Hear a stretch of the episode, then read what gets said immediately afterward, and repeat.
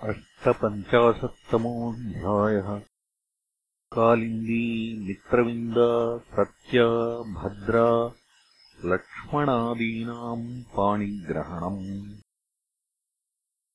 श्रीशुक उवाच एकदा पाण्डवान् द्रष्टुम् प्रतीतान् पुरुषोत्तमः इन्द्रप्रस्थम् गतः श्रीमान् युधानादिभिर्वृतः दृष्ट्वा तमागतम् पार्था मुकुन्दमखिलेश्वरम् उत्तस्थुर्युगपद्वीराः प्राणामुख्यमिवागतम्।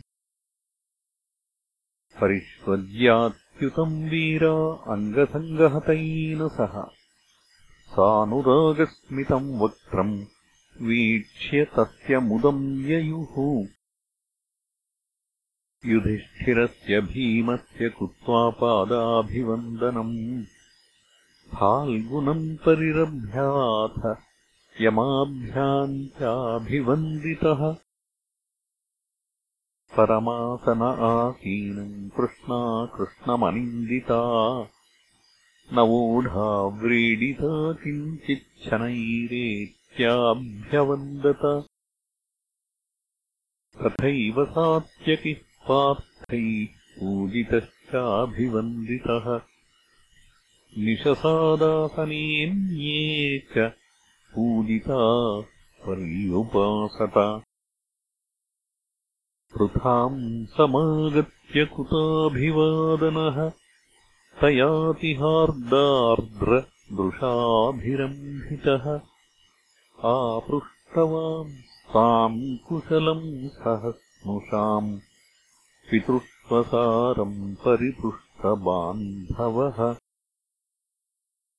तमाह प्रेमवैक्लव्यरुद्धकण्ठाश्रुलोचना स्मरन्ती तान् बहून् क्लेशान् क्लेशापायात्मदर्शनम्।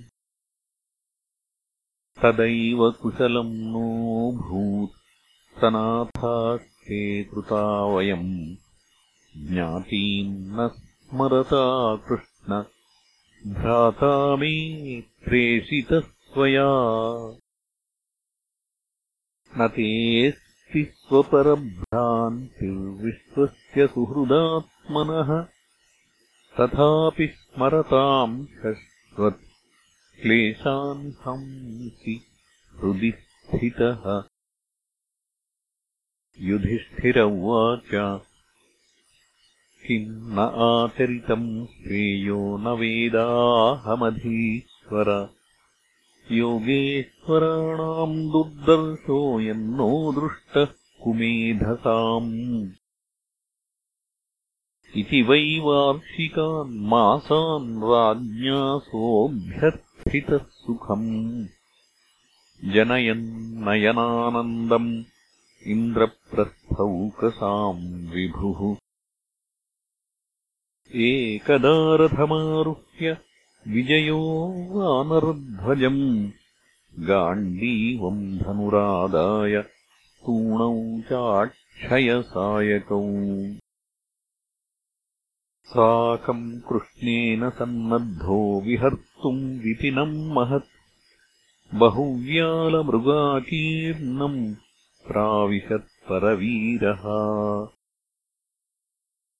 तत्राविध्यच्छरैर्व्याघ्रान् सूकरान् महिषान् रुरून् शरभान् गवयान् खड्गान् हरिणान् शशशल्लकान्। तान् निन्युः किङ्कराराज्ञे मेध्यान् पर्वण्युपागते। हृत्परीतः परिश्रान्तो बीभत्सुः यमुनामगात्। तत्रोपस्पृश्य विशदम् पीत्वा वारिमहारथौ कृष्णौ ददृशतुः कन्याम् चरन्तीम् चारुदर्शनाम्। तामासाद्यवरारोहाम् सुद्विजाम् रुचिराननाम् पप्रच्छप्रेषितः सख्या फाल्गुनः प्रमदोत्तमाम् का त्वम् कस्यासि शुश्रोणि कुतोऽसि किञ्चिकीर्षसि। मन्ये त्वाम् पतिमिच्छन्तीम् सर्वम् कथय शोभने कालिङ्गुवाच अहम् देवस्य सवितुः दुहिता पतिमिच्छती। विष्णुम् वरेण्यम् वरदम् तपः परममास्थिता। नान्यम् पतिम् वृणे वीर तमृते श्रीनिकेतनम् तुष्यताम् मे स भगवान् मुकुन्दो नाथसंश्रयः कालिन्दीति समाख्याता वसामि यमुनाजले निर्मिते भवने पित्रा यावदच्युतदर्शनम्। तथावदद्गुडाकेशो वासुदेवाय सोऽपि ताम् रथमारोप्य तद्विद्वान् धर्मराजमुपागमत् यदैव कृष्णः सन्दिष्टः पार्थानाम् परमाद्भुतम् कारयामास नगरम् विचित्रम् विश्वकर्मणा। भगवान् तत्र निवसन् स्वानाम् प्रियचिकीर्षया। अग्नये खाण्डवम् दातुम् अर्जुनस्यास सारथिः सोऽग्निस्तुष्टो धनुरदाद्धयान् श्वेतान् रथम् नृप। अर्जुनायाक्षयौ तूणौ वर्म चाभेद्यमस्त्रिभिः। मयश्च मोचितो वह्नेः सभाम् सख्य उपाहरत् यस्मिन् दुर्योधनस्यासीज्जलस्थलदृशिभ्रमः स तेन समनुज्ञातः सुहृद्भिश्चानुमोदितः। आययौ द्वारकाम् भूयः सात्यकिप्रमुखैर्वृतः अथोपयेमे कालिन्दीम् सुपुण्यवृक्ष ऊर्जिते वितन्वन् परमानन्दम् स्वानाम् परममङ्गलम्। विन्दानुविन्दावावन्त्यौ दुर्योधनवशानुगौ स्वयंवरे स्वभगिनीम् कृष्णे रक्ताम् न्यषेधताम् राजाधिदेव्यास्तनयाम् मित्रविन्दाम् पितृष्वसुः। प्रसह्य हृतवान् कृष्णो राजन् राज्ञाम् प्रपश्यताम्। नग्नजिन्नाम कौसल्य आसीद्राजातिधार्मिकः तस्य सत्याभवत्कन्या देवी नाग्नदिति नृप न ताम् शेकुर्नृपावोढुमजित्वा सप्तगोवृषान्। तीक्ष्णशृङ्गान् सुदुर्धर्षान् वीरगन्धासहान् खलान्। ताम् श्रुत्वा वृषजिल्लभ्याम् भगवान् सात्वताम् पतिः। जगामकौसल्यपुरम् सैन्येन महतावृतः स कोसलपतिः प्रीतः प्रत्युत्थानासनादिभिः। अर्हणेनापि गुरुणा पूजयन् प्रतिनन्दितः। वरम् विलोक्याभिमतम् समागतम् नरेन्द्रकन्या चकमेरमापतिम् भूयादयम् मे पतिराशिषोमलाः करोतु सत्यायदि मे धृतो व्रतैः। यत्पादपङ्कजरजः शिरसा बिभर्ति श्रीरब्जजः सगिरिशः सह लोकपालैः लीलातनूः स्वकृतसेतुपरीप्स एषः काले दधत् स भगवान् मम केन तुष्येत्।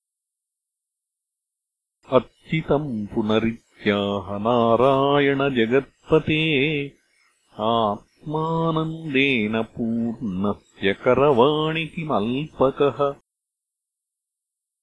श्रीशुक उवाच तमाह भगवान् हृष्टः कृतासनपरिग्रहः। मेघगम्भीरया वाचा सस्मितम् कुरु नन्दन। श्रीभगवानुवाच। नरेन्द्रयाम् कविभिर्विगर्हिता।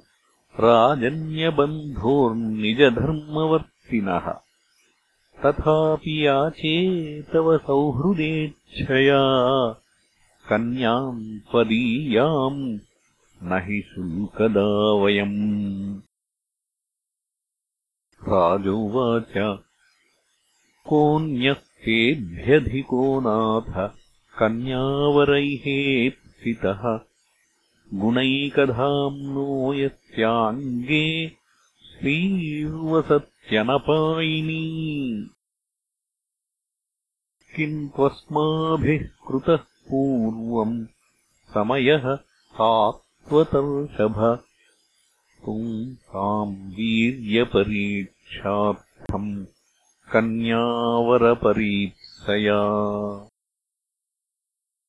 सप्तैते गोवृषा वीर दुर्दान्तादुरवग्रहाः एतैर्भग्नाः सुबहवो भिन्नगात्रा नृपात्मजाः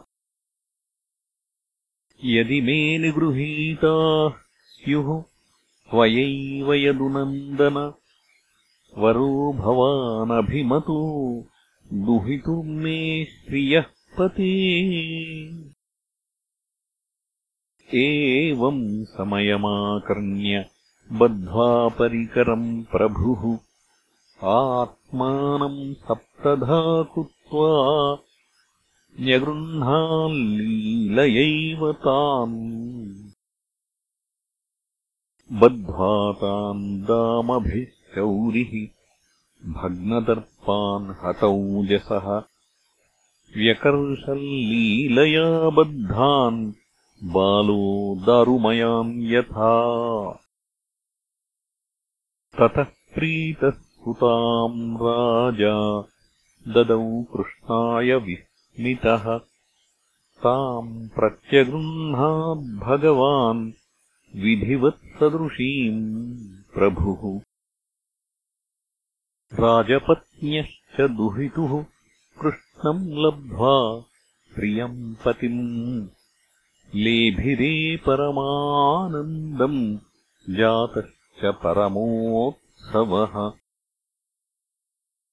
शङ्खभेर्यानकानेदुः गीतवाद्यद्विजाशिषः नरा नार्यः प्रमुदिताः सुवासः प्रगलम् कृताः दशधेनुसहस्राणि पारिबर्हमदाद्विभुः युवतीनाम् त्रिसाहस्रम् निष्कग्रीवसुवाससाम् नवनागसहस्राणि नागाच्छतगुणान् रथान् रथाच्छतगुणानश्वान् अश्वाच्छतगुणान् नरान् दम्पतीरथमारोप्य महत्यासेनयावृतौ स्नेहप्रक्लिन्नहृदयो यापयामास कोसलः। श्रुत्वैतद्रुरुधुः भूपा नयन्तम् पथि कन्यकाम्। भग्नवीर्याः सुदुर्मर्षा यदुभिर्गोवृषैः पुरा तानस्यतः शरव्रातान् बन्धुप्रियकृदर्जुनः गाण्डीवी कालयामास सिंहः क्षुद्रमृगानिव पारिबर्हमुपागृह्य द्वारकामेत्य सत्यया रेमे यदूनामृषभो भगवान् देवकीसुतः श्रुतकीर्ते सुताम् भद्राम् उपयेमे पितृष्वसुः कैकेयीम् भ्रातृभिर्दत्ताम् कृष्णः सन्तर्दनादिभिः सुताम् च मद्राधिपतेर्लक्ष्मणाम् लक्षणैर्युताम् स्वयंवरे जहारैकः स सुपर्णः सुधामिव। अन्याश्चैवम् विधा भार्याः। कृष्णस्यासन् सहस्रशः। भौमम् हत्वा तन्निरोधादाहृताश्चारुदर्शनाः इति श्रीमद्भागवते महापुराणे पारमहंस्याम् संहितायाम् दशमस्कन्धे उत्तरार्धे अष्टपञ्चाशत्तमोऽध्यायः